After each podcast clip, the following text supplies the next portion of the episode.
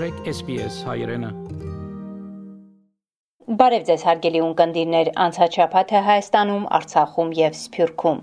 Լարված իրավիճակ հայ-ադրբեջանական սահմանին Նիկոլ Փաշինյանը նշանակվեց Հայաստանի վարչապետ։ Դերձորի եկեղեցական համալիրն ամբողջությամբ պայթեցվել է, այս եւ մյուս նորությունները մանրամասն։ Հուլիսի 28-ին Ադրբեջանը հարձակվել է հյուսիսարևելյան ուղությամբ տեղակայված հայկական դիրքերի ուղությամբ։ Մարտերն ընթացել են Գեղարքունիքի մարզի Սոտքից վերին շորժահատվածում, հայկական կողմն ունի 3 զոհ, մի քանի վիրավոր։ Մոսկվայի միջնորդությամբ կրակը դադարեցվել է, սակայն Հայաստանի սահմաններում իրավիճակը շարունակում է լարված մնալ։ Ժամանակ առ ժամանակ ադրբեջանական կողմը կրակ է բացում։ Վարչապետ Նիկոլ Փաշինյանի խոսքով Ադրբեջանն իր բոլոր գործողություններով փորձում է խափանել երկխոսության որևէ հնարավորություն հռետորաբանությամբ եւ գործողություններով նաեւ վարկաբեկելով նոյեմբերի 9-ի եւ հունվարի 11-ի երակողմ հայտարարությունները։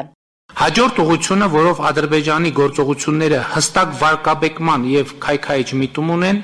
հավաքական անվտանգության պայմանագրի կազմակերպությունն է։ Ադրբեջանի զինված ուժերը ոչ միայն շարունակում են ապօրինի կերպով մնալ Հայաստանի Հանրապետության տարածքում, խոսքը սոտ խոզնավար հատվածի մասին է, այլև շարունակաբար սադրիչ գործողություններ են ձեռնարկում, սրանով փորձելով վարկաբեկել հավաքական անվտանգության պայմանագրի համակարգ։ Այս ծրագիրը կյանքի կոչելու համար սադրիչ գործողություններին զուգահեռ Ադրբեջանը Հայաստանին մեղադրում է իբր սադրանքներ գործելու մեջ։ Լինելով հավաքական անվտանգության պայմանագիր կազմակերպության անդամ, որը սեպտեմբերից ստանձնելու է կազմակերպության նախագահությունը, Հայաստանը հասկանում է կազմակերպության համար անվտանգային սպառնալիքներ չստեղծելու, դաշնակից երկրներին ռազմական գործողությունների մեջ չներքաշելու իր պատասխանատվությունը, ասել է վարչապետը պաշտոնապես բացառելով Հայաստանի զինված ուժերի կողմից որևէ սադրիչ գործողություն։ Միևնույն ժամանակ կարծում եմ, որ Ադրբեջանի եւ մեր փոխադարձ մեղադրանքների իսկությունը ողջելու հարցում հնարավոր լուծումներից մեկը կարող է լինել ՀԱՊԿ մոնիտորինգային առաքելության տեղակայումը հայ-ադրբեջանական սահմանի երկայնքով, ինչը նախատեսված է ՀԱՊԿ-ի գործունեության իրավակարգավորումներով։ ՀԱՊԿ-ի շրջանակներում նման առաքելություն իրականացնելու անհնարինության պայմաններում մեզ համար կարող են լինել միջազգային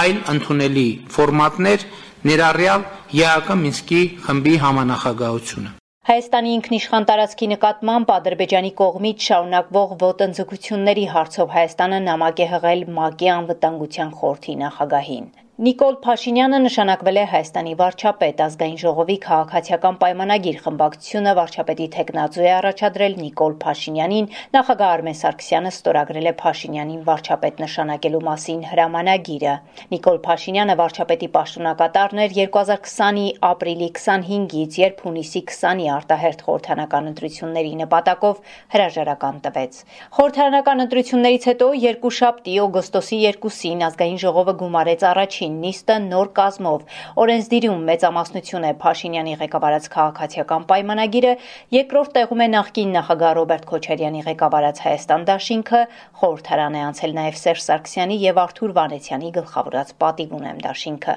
Առաջին նիստը անցել է լարված մտնոլորտում, Հայաստան դաշինքը պահանջել է ապահովել դաշինքի կալանավորված երկու անդամի Մեղրի եւ Սիսյանի նախկին քաղաքապետերի ներկայությունը։ Ամենաթողությունը մեր աչքի առաջ տեղի ունեցել։ Ուղղակի անձեռնամխելիությունը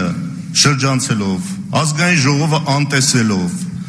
մեր երկու падգամավորները գտնվում են կալանքի տակ։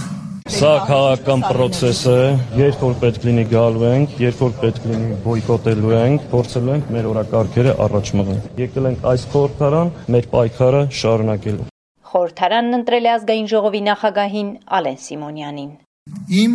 եւ ինձ թույլ կտամ նաեւ մեր բոլորի անունից առանձնահատուկ շնորհակալություն հայտնել Հայաստանի Հանրապետության հպարտ, ուժեղ եւ իմաստուն ժողովրդին, որն այս բարձ ժամանակահատվածում հերթական անգամ ազատ եւ թափանցիկ ընտրությունների միջոցով ձևավորեց Հայաստանի Հանրապետության 8-րդ գումարման ազգային ժողովը։ Ընտրությունների անցկացման բարձր որակը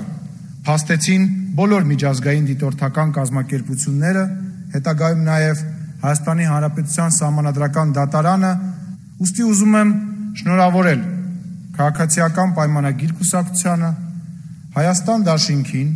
որը ցավոք բացակայում է, եւ պատիվ ունեմ դաշինքին խորհրդարան անցնելու առիթով Արցախ. Լեռնային Ղարաբաղի հակամարտությունը լուծված չէ, այս մասին ասել է Ղարաբաղի արտաքին գործերի նախարար Դավիթ Բաբայանը, անդրադառնալով հայ-ադրբեջանական սահմանին տիրող լարվածության ֆոնին ԵՀԿ Մինսկի խմբի համանախագահների հայտարարությանը, որում կոչ է արվում Հայաստանին եւ Ադրբեջանին անհապաղ, ապա էսկալացնել իրավիճակը, զերծ մնալ սադրիչ ռետորաբանությունից եւ գործողություններից, ամբողջովին կատարել նոյեմբերի 9-ի հայտարարությամբ եւ հրադադարի մասին այլ համատեղ համաձայնագրերով պարտ պարտավորությունները։ Շատ կարևոր է, որ նրանք կոչ են անում հենց խաղաղ կարգավորումը, կարևոր է, որ անթոլատելի են համարում ուժի կիրառումը եւ կարևոր է, որ կոչ են անում, որպիսի վերադառնան բանակցային սեղանի շուրջ, ասինքն սրանով եւս մեկ անգամ շեշտում են, որ հակամարտությունը կարգավորված չէ։ Ակնհայտ է, որ Թուրքիան է ողջևորում Ադրբեջանին, գոտ է պնդում, առավել եւս որ հիմա ծրագրեր ունեն ստեղծել համատեղ ինչ որ բանակ թուրքական,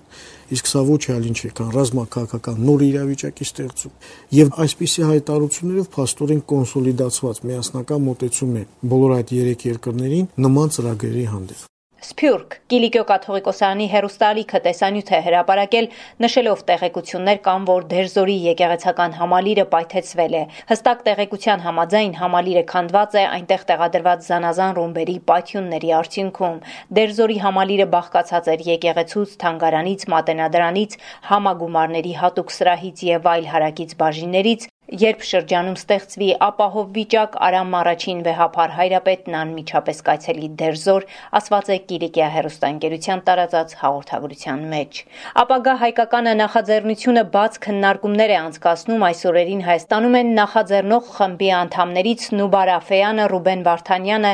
եւ մյուսները ապագա հայկականը շարժման նախաձեռնող Նուբար Աֆեյանը ասում է, վառ երևակայությունն օգնում է նորարար լինել եւ ինքը հենց այդ փորձն ներդնելու է Հայաստանի ապագայի համար։ Ես միշտ հբարդ հայ եղել եմ, բայց այս քիշեր նամանավանդ շատ հբարդ եմ զգում, որովհետև այդ ուժը, որ կներկայացնեք դուք, աբակայի նվիրված, դա մեծ բանակ է։ Եվ աբական մեզ մեկ բահանջ է համբերություն, հավատք, հույս, մեծ աշխատանք եւ երևակայություն։ Ապագա հայկականը հիշեցնեմ հարային նախաձեռնություն է մեկնարկած աշխարհի հայերի կողմից։ Մեծ անորոշության եւ հրատապ մարտահրավերների այս ժամանակներում նախաձեռնությունը ջանում է խթանել մի երկխոսություն, որը կհանգեցնի փոխըմբռնման եւ Հայաստանի ու հայության ապագա տեսլականի։ Հավաքական այս նախաձեռնության շրջանակում աշխարհի տարբեր ծայրերից շուրջ 300 անձանց մասնակցությամբ մշակվել է 15 նպատակների ցանկ։ Շարժման համանախաձեռնող Ռուբեն Վարդանյանն էլ երկրի խնդիրները լուծելու համար մեկ բանաձև է առաջարկում՝ լսել իրար, սովորել իրարից եւ համախմբվել այն 15 նպատակների շուրջ, որն ունի ապագա հայկականը։ Համոզված է հիմա է աշխարհին ավելին փոխանցելու եւ ավելին ցույց տալու ժամանակը։ Ճանապարհի կես առաջին քայլն է։ Առաջին քայլը մենք արել ենք, որտեղ մենք ասում ենք ամենակարևորը, որ մեր ապագան մեր ձեռի մեջ է։ Մեր ապագան մենք ենք պատասխանատվությունը կրում եւ մեր ապագան մենք պիտի հետ միասին բոլորս կառուցենք Ամերիկայում անցկացվել է հայկական գինու փառատոն Բրբանք քաղաքում Գինեֆեստին մասնակցել է շուրջ 700 գինու սիրահար։ Գինեֆեստն անցկացվում է ամեն տարի, սա երրորդ փառատոնն էր։ Նպատակը սփյուռքահայերին, ամերիկացիներին ու հյուրերին ներկայացնել հայկական գինիների յուրահատկությունը։ Այս տարի ներկայացվել է 28 գինի, 6-ը Կալիֆոռնիայից, մնացածը Հայաստանից։ We're here for the for the Guinea Fest. And to taste for the great Armenian wine. so why are you here? To drink some wine and taste. Armenian wine. մենք ներկայացնում ենք Godfather vodka, երկու տեսակ, մի հատը կա որ platinum եւ premium Հայաստանից է,